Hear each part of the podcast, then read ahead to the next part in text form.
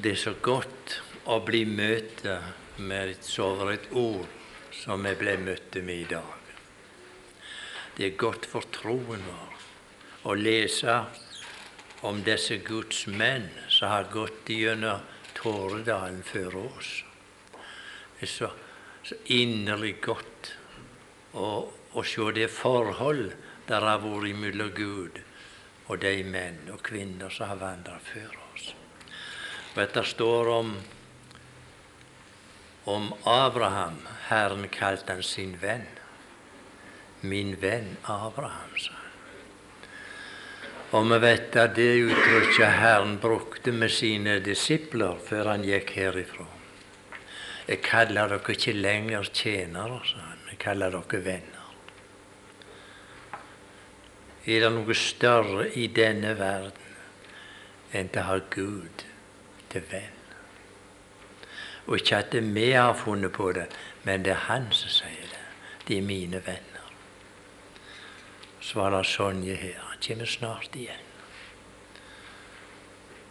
For å ta, ven, ta vennene til seg. Han sa med Gud for at de, de skal være der hvor jeg er. Og du hvor han har vist det vennskapet.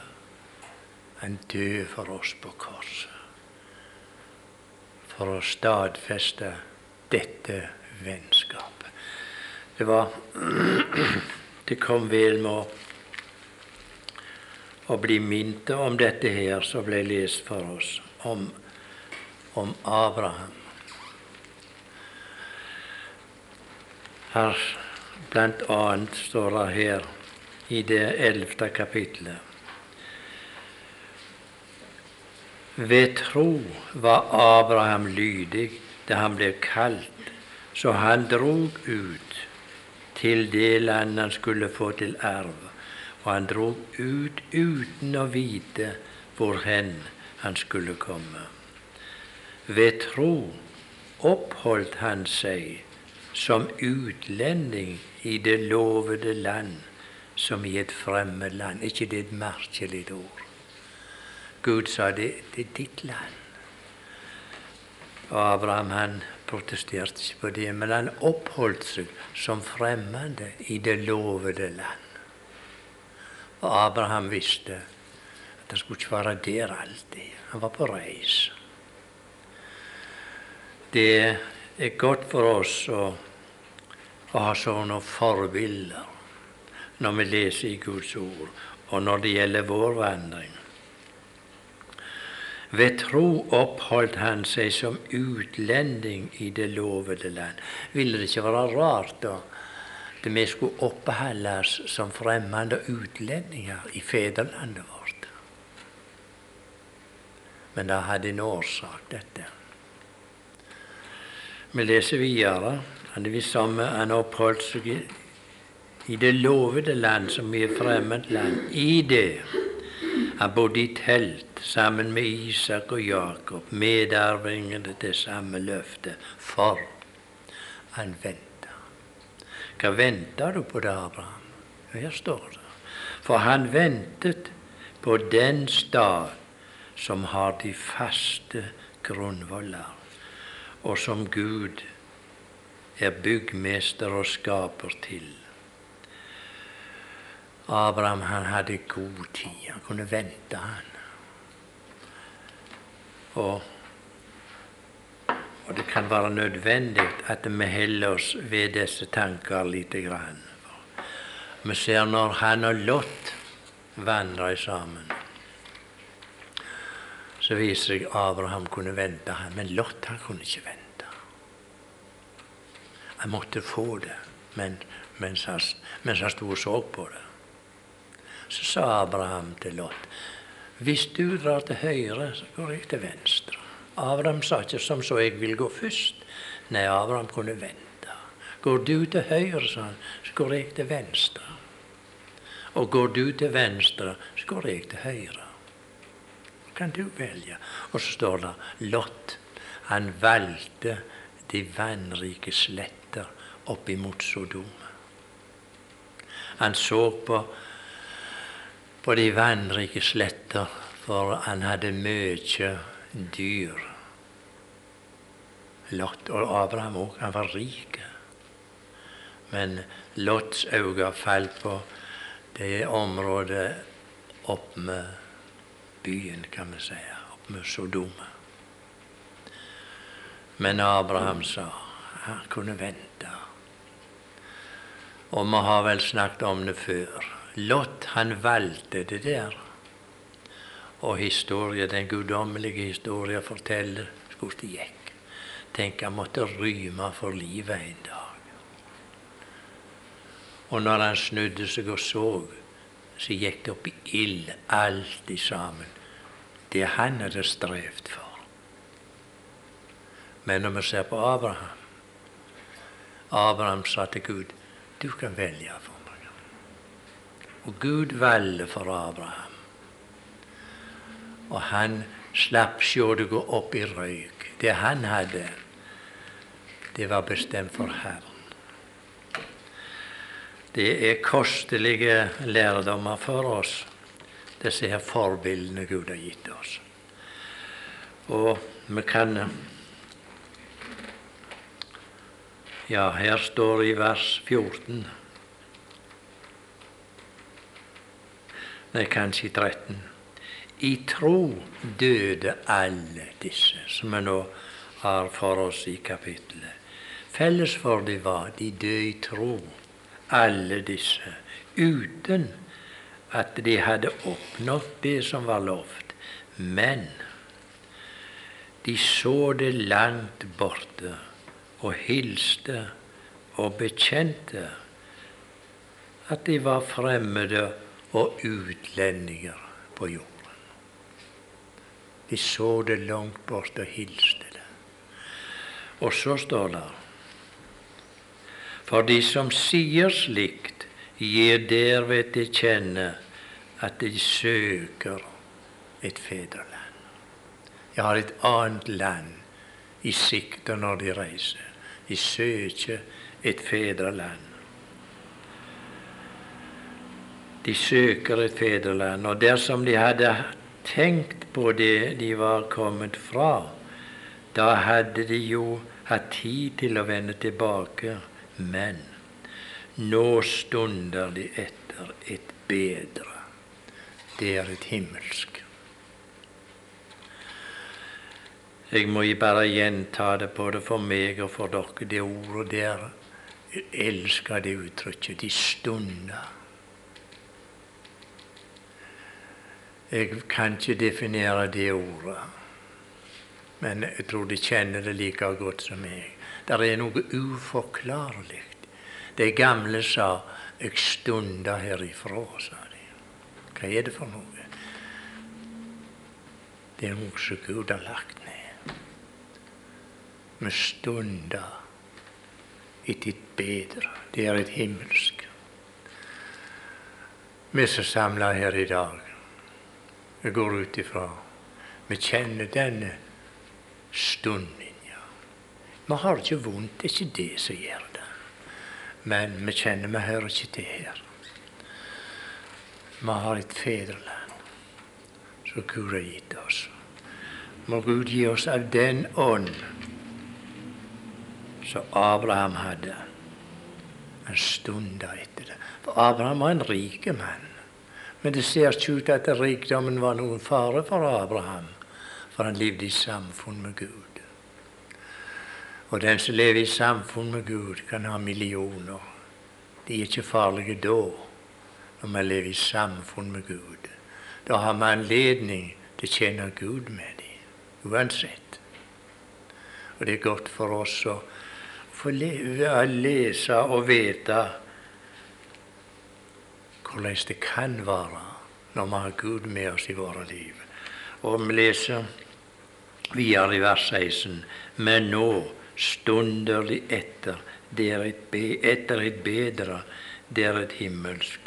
Derfor skammer Gud seg ikke ved å kalles deres Gud, for han har gjort en stad ferdig til dem.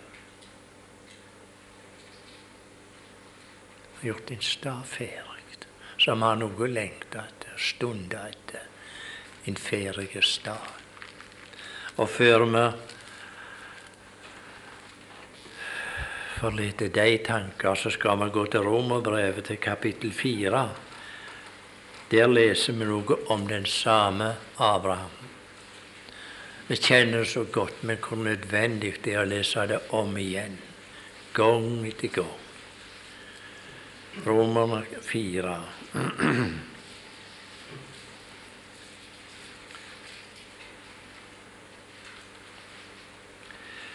Vi kan eh, begynne i vers 18.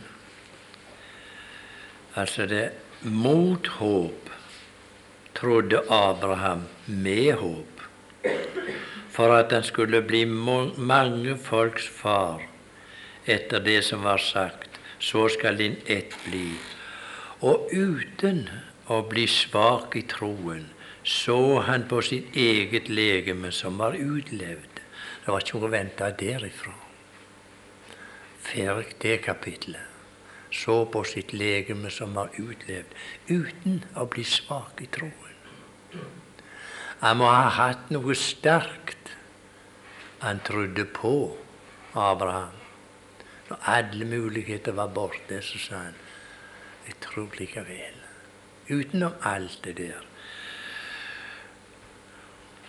og uten å bli svak i troen så han på sitt eget legeme som var utlevd. Han var nesten 100 år gammel og på Saras utdøde mors liv. På Guds løfte tvilte han ikke i vantro, men ble sterk i sin tro i det han ga Gud æren. Her ser vi er det middelet til å bli sterk i troen. Gi Gud ære. Så styrker troen. Det var det Abraham visste. Ære er Gud, så styrkes troen min. Troen min. Og så står det ja, han ble um, På Guds løfte tvilte han ikke i vantro, men ble sterk i sin tro i det han gav Gud æren. Og var fullt viss Altså tro, står det i Hebreabrevet. Det er full visshet. Full visshet. I troen er det ikke tvil, men det er full visshet. Og var fullt viss på at det han hadde lovt, det var han også mektig til å gjøre. Altså, troen til Abraham var knyttet til en mann som var pålitelig. Abrahams Gud, Israels trofaste Gud, står det, lyver ikke. Det var den Gud Abraham satte sin lit til, og så kalte Gud han sin venn. Og han kan kalle deg og meg i dag like godt for sine venner, om ikke så troesterke som Abraham. For han har ordna opp i det forholdet, Gud. Han kaller oss venner. Og så har vi samfunn med han. Gud gi at vi disse siste vonde og uhyggelige dager måtte få seg bryte oss lenger inn i samfunn med han. Og ha vårt øye festa på fedrelandet, som Abraham hadde det. Vi leser videre. Han var fullt viss på at det han hadde lovt, det var han også mektig, mektig til å gjøre. Derfor ble det også regnet ham til rettferdighet. Men ikke bare for hans skyld er det skrevet at det ble tilregnet ham, men også for vår skyld, som det vil bli tilregnet. For, også for vår skyld som det vil bli tilregnet, vi som tror på Ham, som oppvakte Jesus, fra, vår Herre, fra de døde. Det skulle ikke være så farlig å tro på Han som kunne oppvekke fra de døde.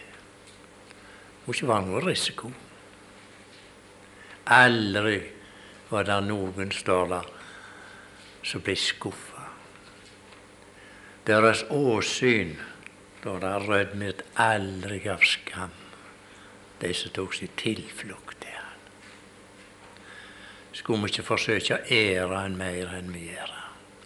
Leve i en inderlig troessamfunn dag for dag. Aleine. Gå inn i vårt lønnkammer, lukke døra godt igjen og være aleine med Herren.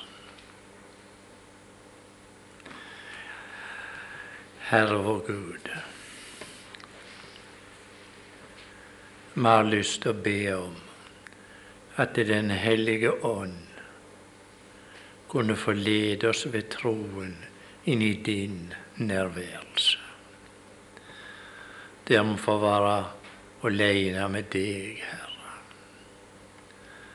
Vi ber igjen om fortsatt, og vi vet du er nær i ditt ord, men at de kunne erfare det erfaringsmessig når vi sammen og leser ditt ord, at du er her midt iblant oss. Vi ber om det i Jesu navn. Ja, For min egen del så kunne jeg godt ha slutta, godt ha sett meg. Men vi skal lese Guds ord videre. Skal vi lese ifra annen Mosebok.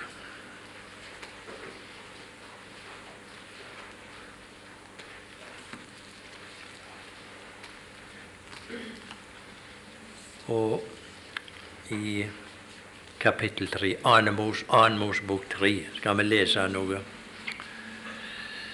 i forbegynnelsen av kapittelet.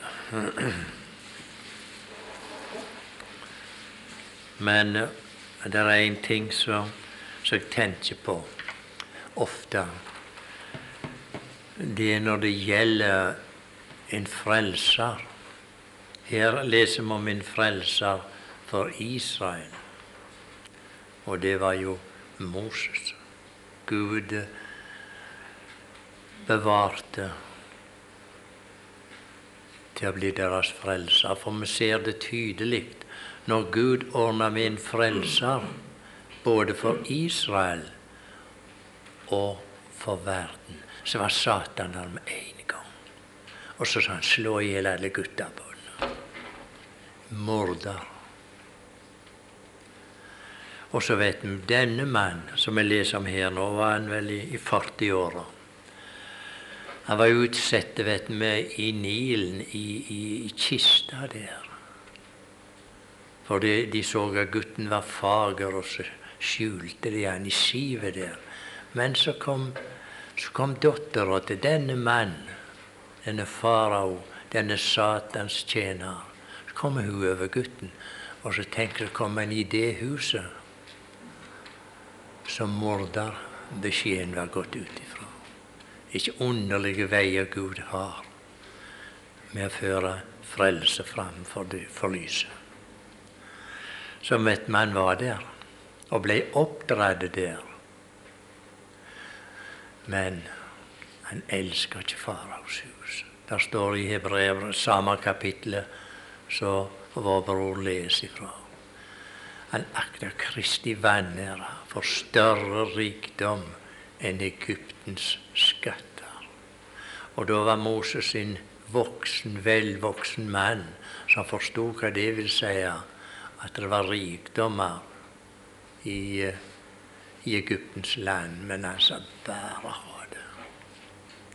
Jeg ser noe langt fram i tida. Det er Kristi vanære.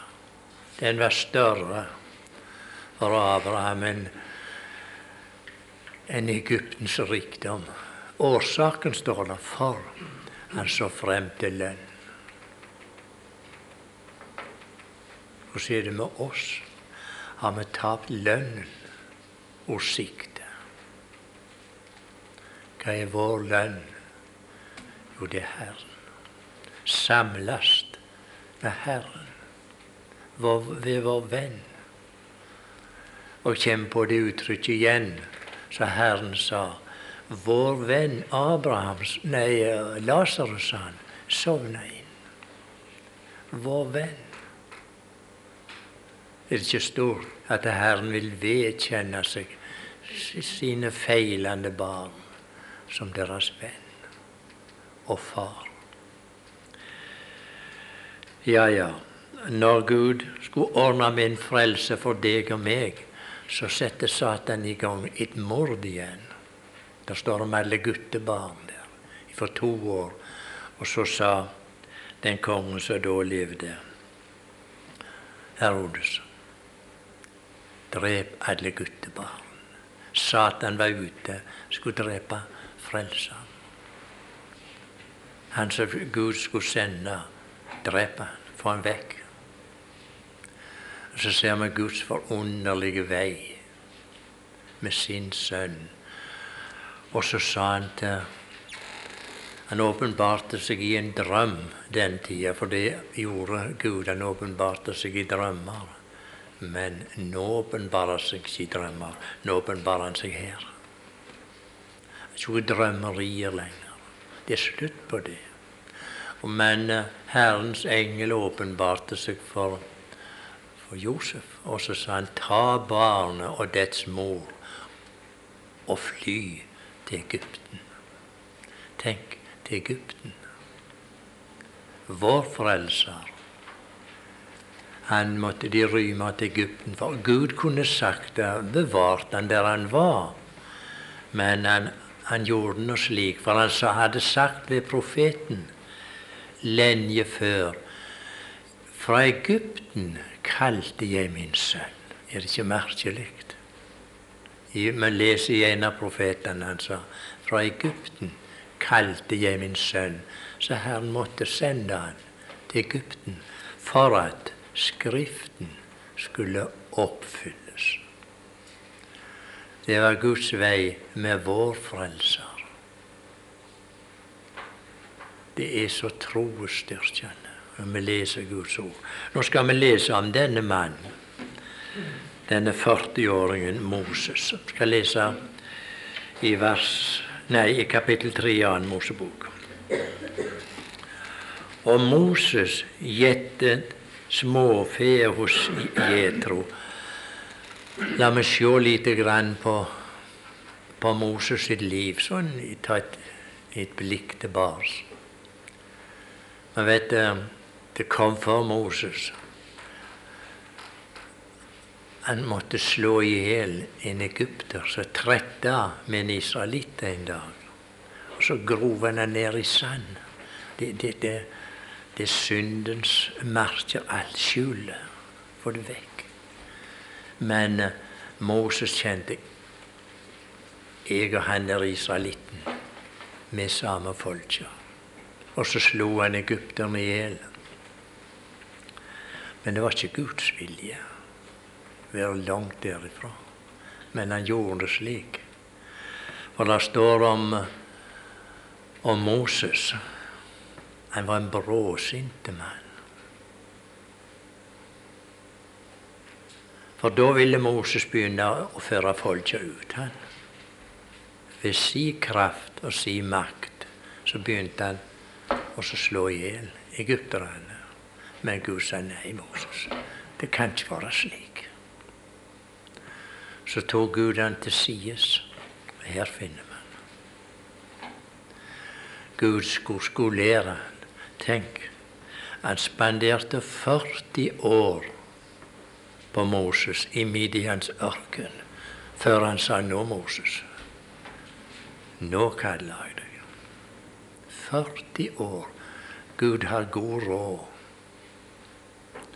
Han kunne spandere 40 år, og nå var det en 80-åring han kontakta. Han møtte han ved tornebusken. Og du får et guddommelig, lærerikt ord Gud har gitt oss. Og vi sammen vi tenker på dette, så kan vi tenke på avslutningen av den manns liv. Da var han rundt Ja, han ble jo 120 år. Og så sa Herren Moses, nå skal du dø. Gå opp på fjellets topp. Moses gikk opp, og der møtte han Herren. Der døde Herrens tjener Moses, leser vi. Og Herren hilt begravelse. Det var ikke noe kremering av han, men det var begravelse. Herren begro ham i dalen, står det. Men ettermælet til Moses, så sa Herren om han, der oppsto ingen som min tjener Moses. Hvem var det som hadde oppdratt han? Jo, det var Herren som hadde oppdratt han. Så han der oppsto ingen som min tjener Moses. Så ga Abraham Gud òg et, et skuddsmål, og så sa han der er ingen som Gud. Ingen som Gud. Sånn er det å vandre i Herrens selskap og bli dannet av Herren. Og da kan vi si det er ingen som Gud. Er det ikke godt for oss at Gud har latt dette nedskrevet? Eller så hadde vi vært uvitende. Så hadde vi vært fulle av mennesker, ja, innbilninger og all slags over noe. Og, og hvor mye er nå, på tross av Guds ord, som menneskene er gjenstand for. Hvor skulle det ikke da være hvis dette var skjult for oss? Og det står videre vet vi, om Moses i grav. Ingen til denne dag som vet hvor Moses ble begravet. Herren skjulte. For vi, forstår at det ble en trette mellom djevelen og engel, overengel Mikael. De tretta om Mose-legeme. Hvor det var kommet av. Hvorfor kan ikke jeg si. Men vi registrerer det her.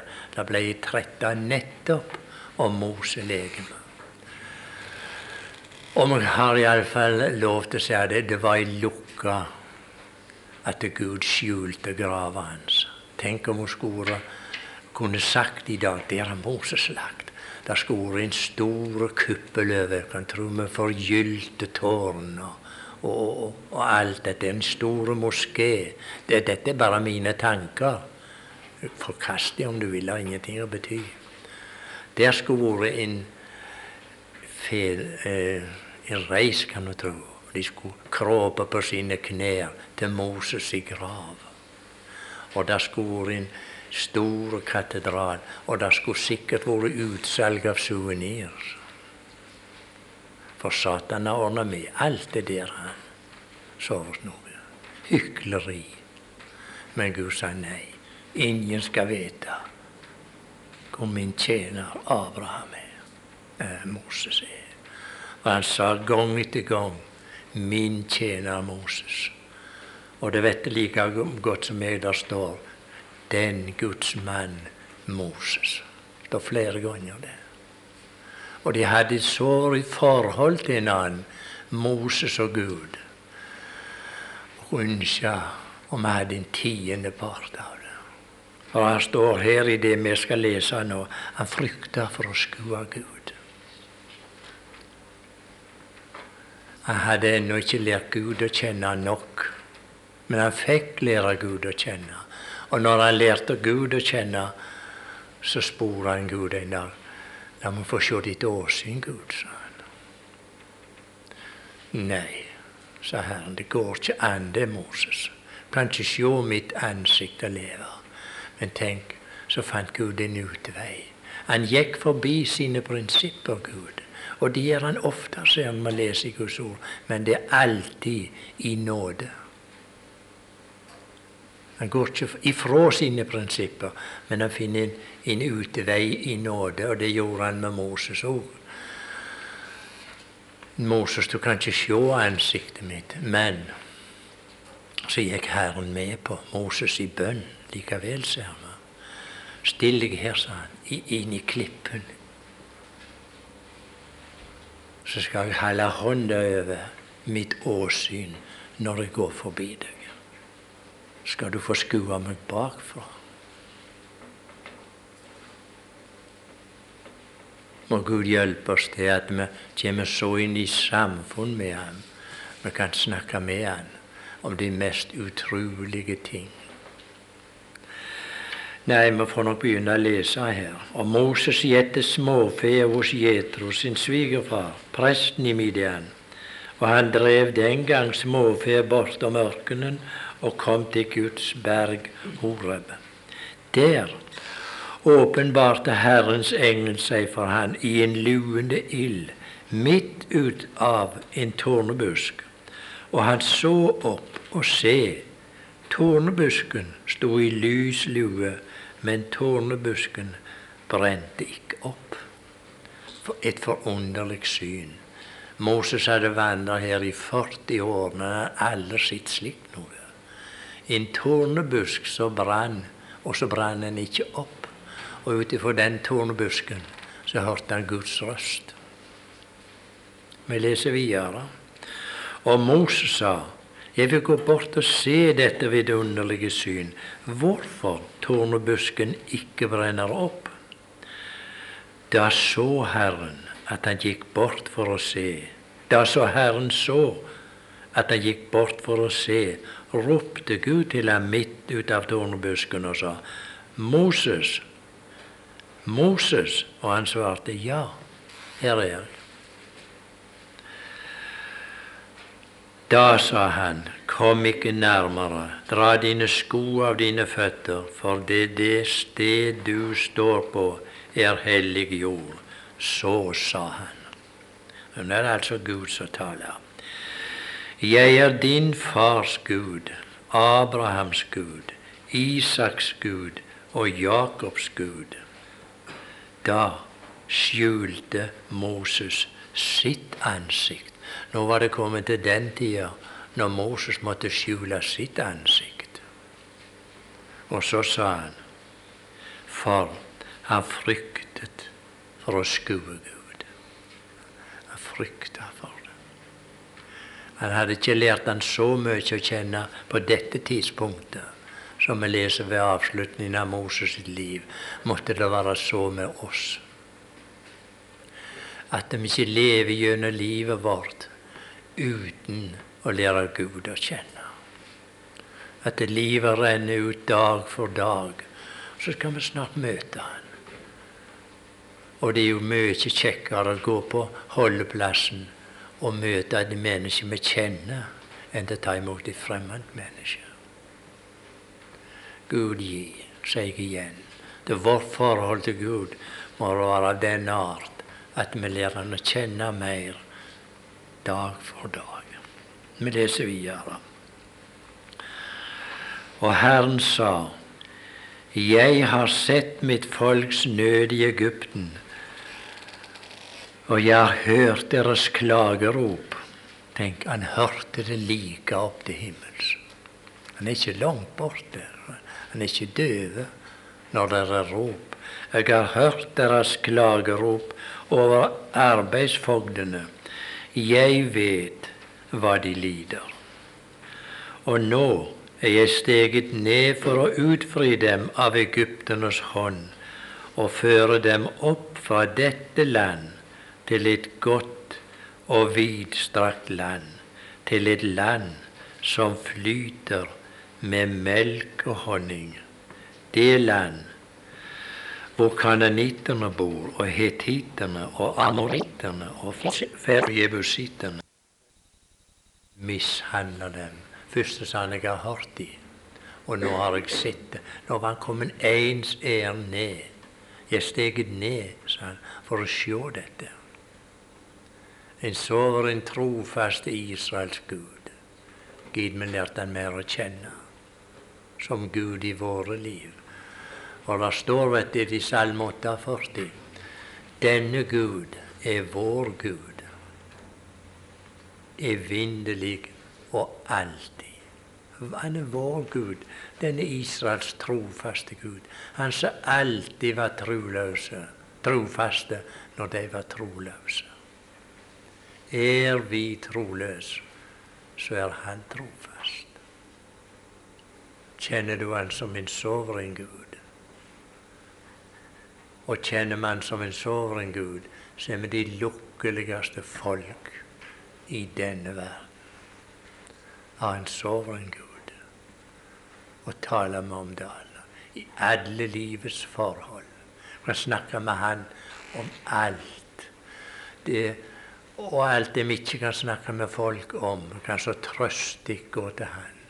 Har du mye synåler, så bare snakk med Han. Skal se, du blir ikke lurt. La i alle ting, står der, eders begjæringer komme frem for Gud.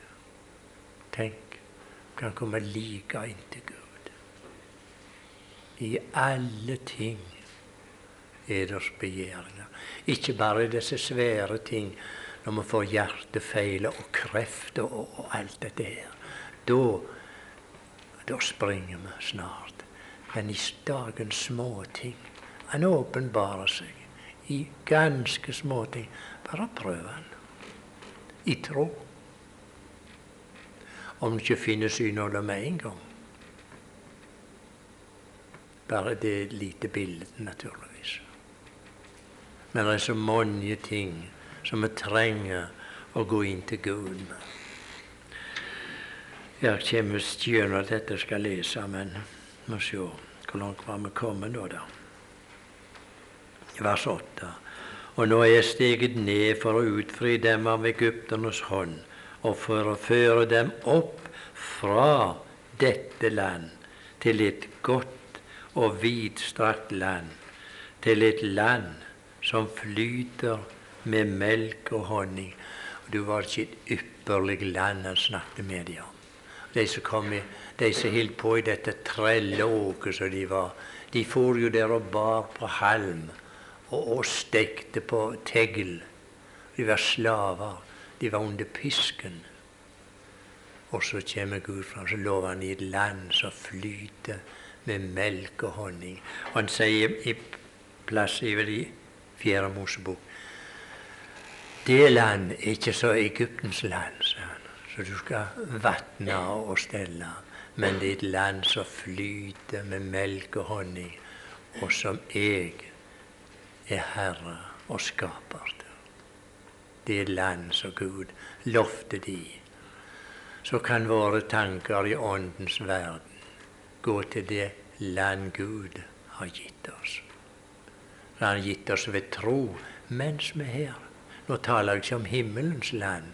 Det er jo de som bruker Kanans land som et bilde på himmelen, og det er ingenting i veien for det kan anvendes.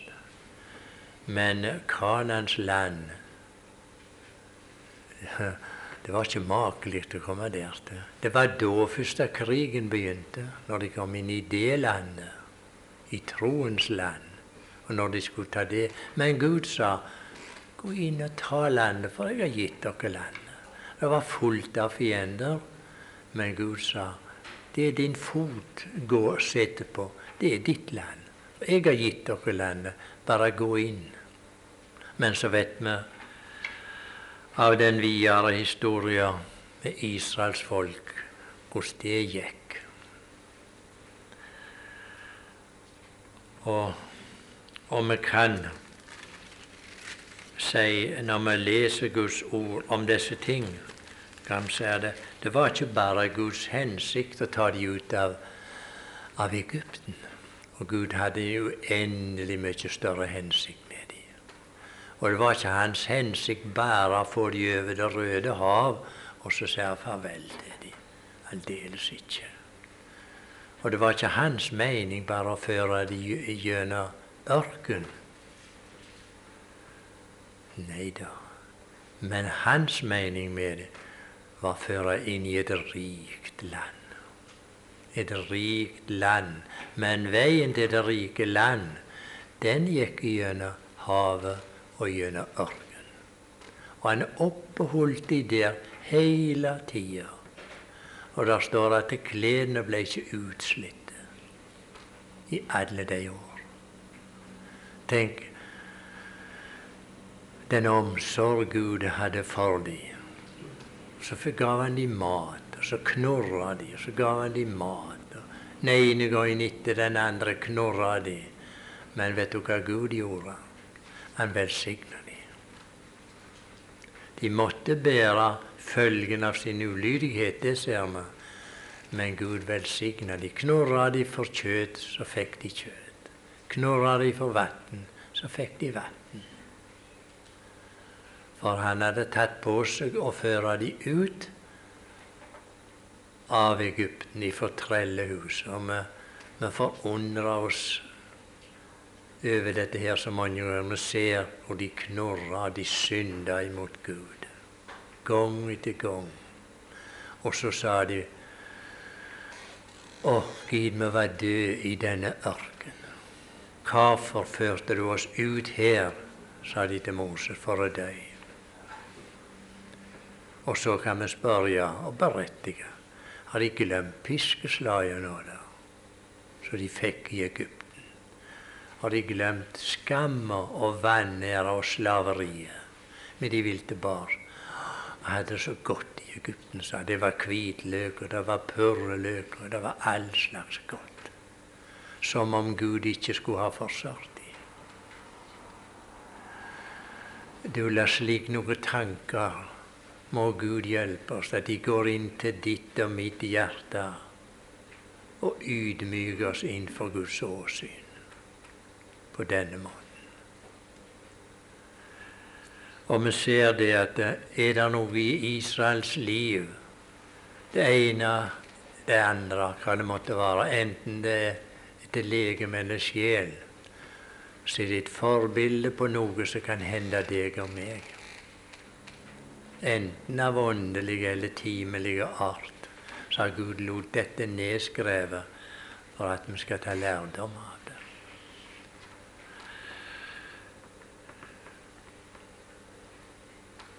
Ja. Vi hadde lesevers åtte, vel. Nå er Israels barn skrik nådd opp til meg, og jeg har fått sett hvorledes egypterne mishandler dem. Så gå nu du av sted. Jeg vil sende deg til farao, og og du skal føre mitt folk, Israels barn, ut av Egypten. Men Moses sa til Gud, hvem er jeg at jeg skulle gå til farao, og at jeg skulle føre Israels barn ut av Egypten? Og han sa, Sannelig, jeg vil være med deg. Og dette skal være deg et tegn på at jeg har sendt deg. Når du har ført folket ut av Egypten, da skal de holde gudstjeneste på dette fjellet. Der så Gud åpenbarte seg for ham nå. Når du har ført de ut, Moses, så skal de holde gudstjeneste nettopp her, på dette fjellet. Det var Guds vei med sitt løftets folk. Ja, det er et så uendelig rikt emne, dette her, når det gjelder Guds løftets folk, at vi finner ingen ende på det. Vi bare bryte inn av her og der og, og skue Guds trofasthet. Så førte han de ut, og så kom de til grensa av landet og vi vet hvordan det gikk. De kom til Kades Barnea, og så sendte Moses uh, speidere ut. Gud behøvde ikke sende speidere ut, for han visste hvordan det var. Men folket visste det ikke. Så sendte han speidere inn i landet, og så kom de tilbake med beskjed om det landet, det rike land. Så kom de med en, en liten prøve en Hva hva det hette nå, da? Drueklase. Han var så stor at det måtte være to å bære. Hva fortalte det om det landet? Og det måtte være et forunderlig budskap for de folk som kom ut den tørre ørkenen. Og du, tenk vi kan få komme inn i det landet. Men vet du hva de sa? De sa nei. Hvorfor? Og det var så mye fiender der inne, sa de. De var så store og sterke at vi så ut som gresshopper imot dem, sa de. Og så ble det ikke. Og så gikk de ikke inn. Så såra de Guds hjerte ved å avvise han han hadde ført de like til grensa. Kan vi låne tanken i våre liv på ånden, i Åndens verden? Gud har ført oss like opp til grensa i løftets land. Har vi gått inn? Og du, for en, for en anledning og nåde Gud har gitt oss i dette her. Og Oss gå inn i landet. Men de sa nei. Følgen var de gikk til bars i ørken i 38 nye år. Trampa de i ørken på grunn av sin motstand. Men her får vi enda et yndig bilde av Gud. Tenk han forlot de ikke. For de hadde paktens ark i sin midte, og de tok arken med seg, og der var Gud. Han fylte de på deres villsomme vei. Kan vi ikke igjen bruke tanken i våre liv, du og jeg? Hvor skulle det vært om han hadde forlatt oss når vi var ulydige? Nei. Han var med oss og bevarte oss i vår ulydighet. En soveren Gud er det vi har. Og det er denne Gud vi får skue gang etter gang her i Mosebøkene. Israels trofaste Gud. Og så veit vi at Herren sa de skal ikke komme inn i dette land som jeg har lovt dere.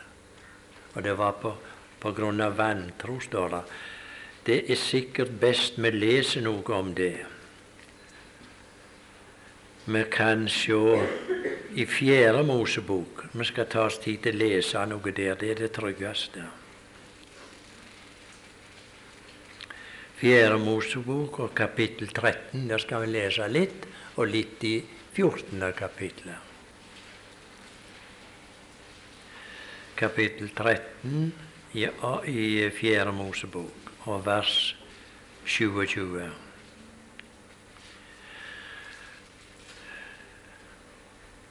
Ja, det var speiderne når de kom ut ifra, ifra Kanans land.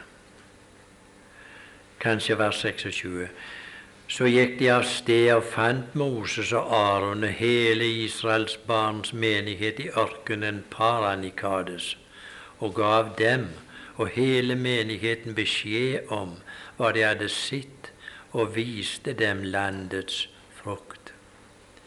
De fortalte ham og sa, Vi kom til det land du sendte oss til, og det flyter virkelig med melk og honning og her er dets frukt. Det var ikke noe, det var ikke noe eventyr Gud hadde fortalt dem, men det er virkelig sånn. Det flyter med melk og honning, dette landet. Men det folk som bor i landet og Nå, nå kommer sorg og sukk og klage. Men det var et folk som bodde der. De var de redde. Men det folk som bor i landet, er sterke, og byene er som festninger og meget store. Der så vi også Anaks barn. Og Gud så forteller videre Anaks barn, det var kjempene det i landet. Og det var de de frykta, og, og begrunna det med det, at Anaks barn er her. Vi leser videre. Amalekitterne bor i Sydlandet, og hetittene og jebusittene og amorittene bor i fjellbygdene, og kananittene bor ute ved havet og langs med Jordan. Men da folket knorret mot Moses, søkte Kaleb å stagge dem og sa:" Vi vil dra opp og ta landet i eie, og vi skal nok få det i vår makt. Og du hvor godt det å lese om troens menn. Her er det en av Herrens trofaste menn som dukker opp igjen i tror at vi går for Gud har lovt oss landet. Men de menn som hadde vært med ham der oppe, sa vi makter ikke å dra opp mot det folk, for de er sterkere enn oss. Og de talte ille blant Israels barn om det land de hadde utspeidet, og sa det land vi drog opp igjennom for å utspeide det, er et land som fortærer sine innbyggere og alle de vi så der, var høyvoksne folk. Der så vi kjempene, Anaks barn, og kjempeetten, og imot dem var vi i våre egne øyne som gresshopper, og det syntes også de vi var. Nå hadde de fått et godt påskudd. De òg syntes vi var sånne små gresshopper. Og så står det et alvorlig ord. De talte ille om landet. I troens verden er det òg to slags talere eller vitnesbyrd, om du vil. Det er noen som alltid har emne ifra ørken.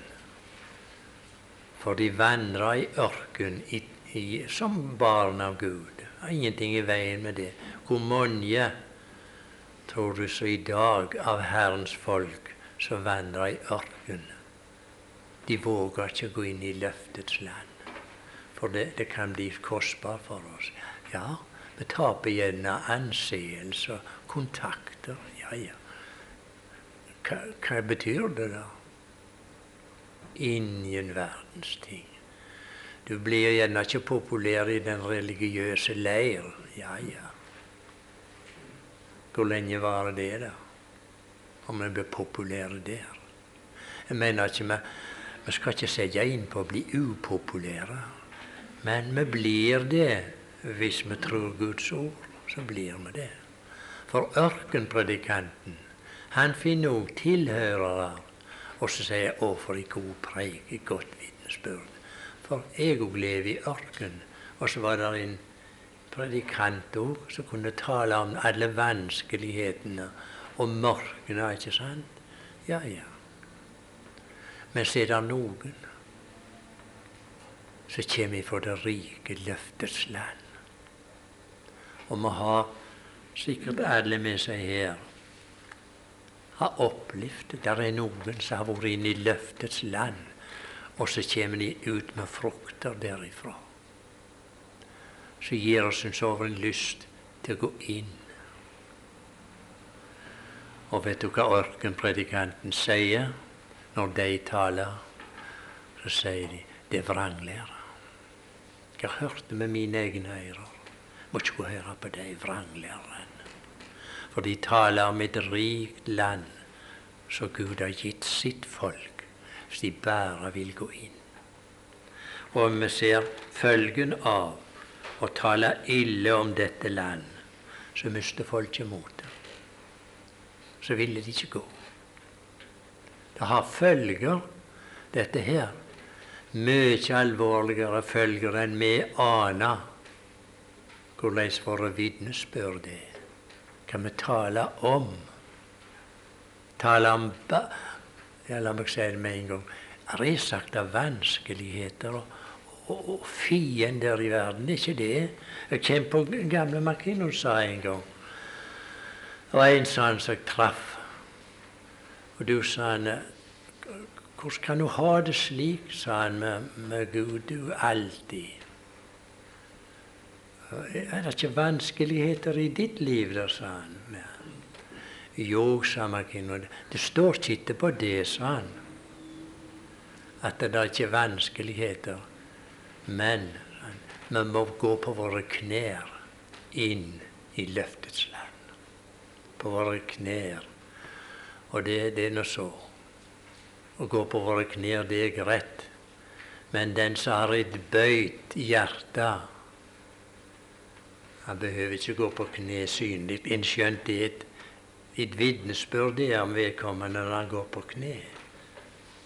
Men det som om å gjøre, det er at hjertet er knebøyd overfor den levende Gud, som vi har med å gjøre på vår vandring. Og vi ser hvor, hvor alvorlig det var å tale ille om landet. Hvis vi skal se Nå skal jeg Det er noen av oss som sier det må, skunde oss. Det er ikke rett. Vi får heller skjære ut noe av det vi hadde tenkt å tale, og ikke, og ikke gå med sånn sjumilsfart her i Guds ord. Det, det, det, er urett imot den levende Guds ord, og så skunder seg her. La oss ta det for oss, enkelt og greit. Og har vi ikke tid, så får vi bare slutte. Jeg kommer på en gang Arne mange år jeg leser et, et stykke av uh, Spurgeon. Og han, Det var på et predikantmøte.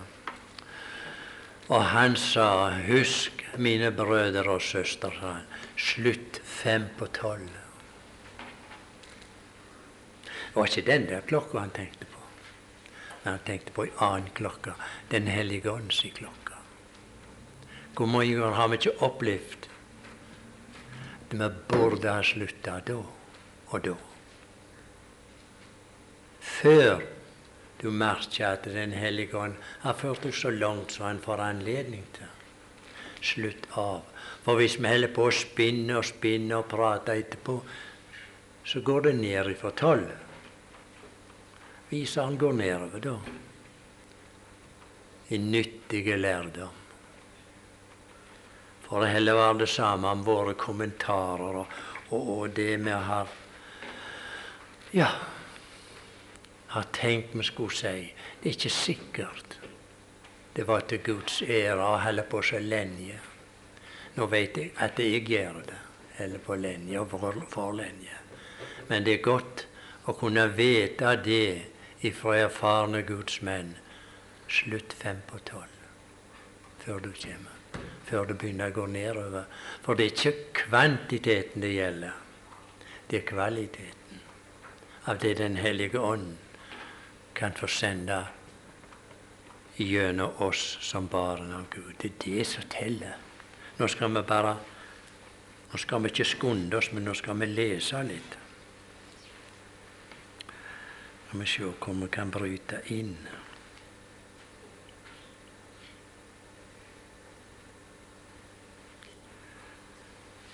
Ja, i vers 19 i, i kapittel 14 så er det Moses.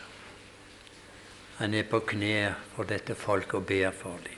Tilgi da dette folk dets misgjerning etter din store miskunnhet, som du har tilgitt dem hele veien fra Egypten og hit. Og det var ikke noe nytt å be om tilgivelse for dem, for de var et gjenstridig folk. Men Herren sa, tilgi dem denne gangen òg, sånn som du har gjort hele veien ifra Egypten. Du er det noe for ditt hjerte, dette. I Åndens verden. Trenger vi tilgivelse? har vi ikke hatt tilgivelse helt ifra han tok oss ut av verden, og trenger det hele veien. Og vi har en forbeder med. Vi ser han ikke, men vi har han likevel. Da sa Herren, jeg har tilgitt dem etter ditt ord. Nå, Moses, det er i orden dette jeg har tilgitt etter ditt ord. Men så sant jeg lever og hele jorden er full av Herrens herlighet, så skal alle de menn som har sett min herlighet og de tegn som jeg har gjort i Egypten og i ørkenen, og som nå har fristet meg ti ganger og ikke hørt på min røst, sannelig, de skal ikke se det land jeg har tilsvoret deres fedre, ingen har foraktet meg, skal få se. Som har foraktet meg, skal få se det. Her kommer følgen. Men så gjør jeg her mitt unntak. Men min tjener Kaleb Vi vet det var to. Tenk av alle de hundretusener av mennesker som gikk ut fra Egypten, så var det bare to som kom inn i landet. Hvorfor? For de var trofaste, sa han imot meg. Men min tjener Kaleb, fordi det var en annen ånd i han, og han trolig fulgte meg, så vil jeg føre ham inn i det land han har vært i. For han var nemlig en av speiderne, Kaleb. Han skal komme inn i landet som han har vært i, og hans ett skal eie det. Men amalekittene og kananittene bor her i landet. Vend derfor om i morgen og dra ut i ørkenen på veien til Det røde hav. Så fikk de beskjed gå tilbake der det kommer ifra, til Det røde hav. Men Gud sa aldri jeg skal ikke gå tilbake gjennom havet. Det sier han aldri til sitt folk. De som er forløste ved lammets blod, har aldri vei tilbake igjen. De er tatt ut av Gud og er Guds folk. Men han sier uh, de kan gå tilbake igjen på veien til Det røde hav. Og Herren talte til Moses og Aron og sa:" Hvor lenge skal denne onde menighet holde på å knorre mot meg? Jeg har hørt Israels barns knorr, hvorledes de knorrer imot meg. Si til dem, så sant jeg lever, sier Herren, som jeg har talt for mine ører, således vil jeg gjøre med eder. I denne ørken skal eders døde kropper falle. Alle de blant eder som ble mønstret, så mange som i er, fra tyveårsalderen og oppover, i som har knorret mot meg. Sannelig. I skal ikke komme inn i det land som jeg med oppløftet hånd har svoret å ville gi eder å bo i, unntatt Kaleb, Jefunnes sønn, og Josva, Nuns sønn. De skulle, komme, de skulle få nyte det landet de hadde vært inne og sett. Eders barn, som jeg sa ville bli til rov, dem vil jeg føre inn, og de skal lære det landet å kjenne som I har ringe aktet men eders døde kropper skal falle i denne ørken, og eders barn skal flakke om som hyrder i ørkenen i 40 år, og bøte for eders utroskap mot Herren. Er det ikke alvorlig? Den oppvoksende slekt skulle bøte for deres ulydighet. Ja, sånn sier Gud. Er det da alvorlig for oss å ha barn som har vist dårlige eksempler når det gjelder denne sak?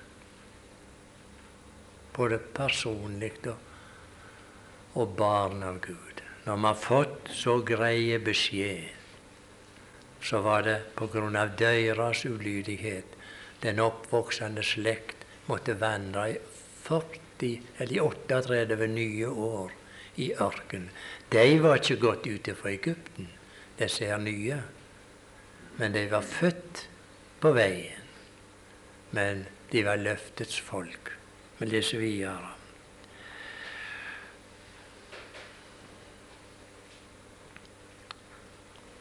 Og eders barn skal flakke om som hyrder i ørkenen i 40 år og bøte for eders utroskap mot Herren, inntil I alle er blitt til lik i ørkenen. Like som i uspeidet land i 40 dager, Således skal I lide for eders misgjerninger i 40 år. Lidelsen fikk de ett år for hver dag. Herren er en rettferdige Gud. Men han slo de ikke ned sånn at det, ingen av oss må tro at det, de folk gikk fortapt. Og da synda vi mot Gud. Vi vet de var gått ut ifra Egypten under lammets blod, men de var ulydige på vandringen. Sannelig således vil jeg gjøre med hele denne onde menighet som har sammensvoret seg mot meg. Her i ørkenen skal de gå til grunne, og her skal de dø. De menn som Moses hadde sendt ut for å speide landet, og som var kommet tilbake og hadde fått hele menigheten til å knurre imot ham ved å tale ille om landet ved å tale ille om landet. Sånn er det. Hvordan er det med oss, da? Dette her kan åndeliggjøres, for det, er ikke alt i Guds ord. Man må ikke finne på å åndeliggjøre alt, for det går ikke, det. Men det er ting som Gud har skrevet ned, for man kan åndeliggjøre det. Så får vi overføre det på oss som vandrer i tro. Hvordan er det med vår vandring?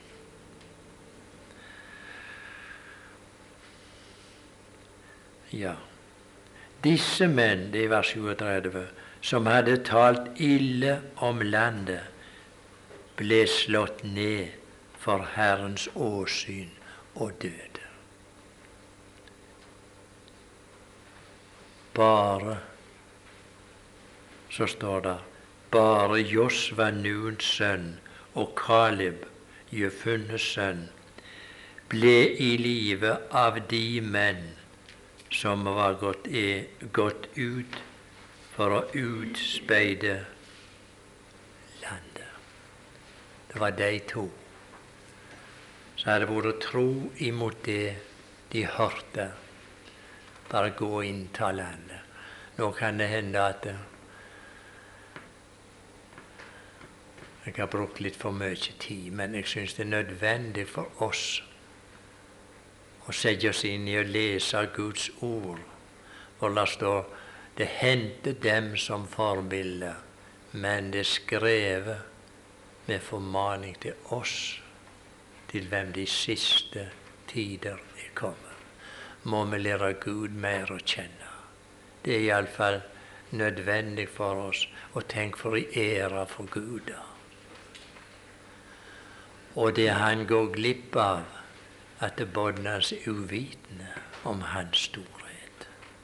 Og Gud hjelpe oss til at vi i ydmykhet kunne gå inn og bør gå inn i hans nærværelse og snakke med han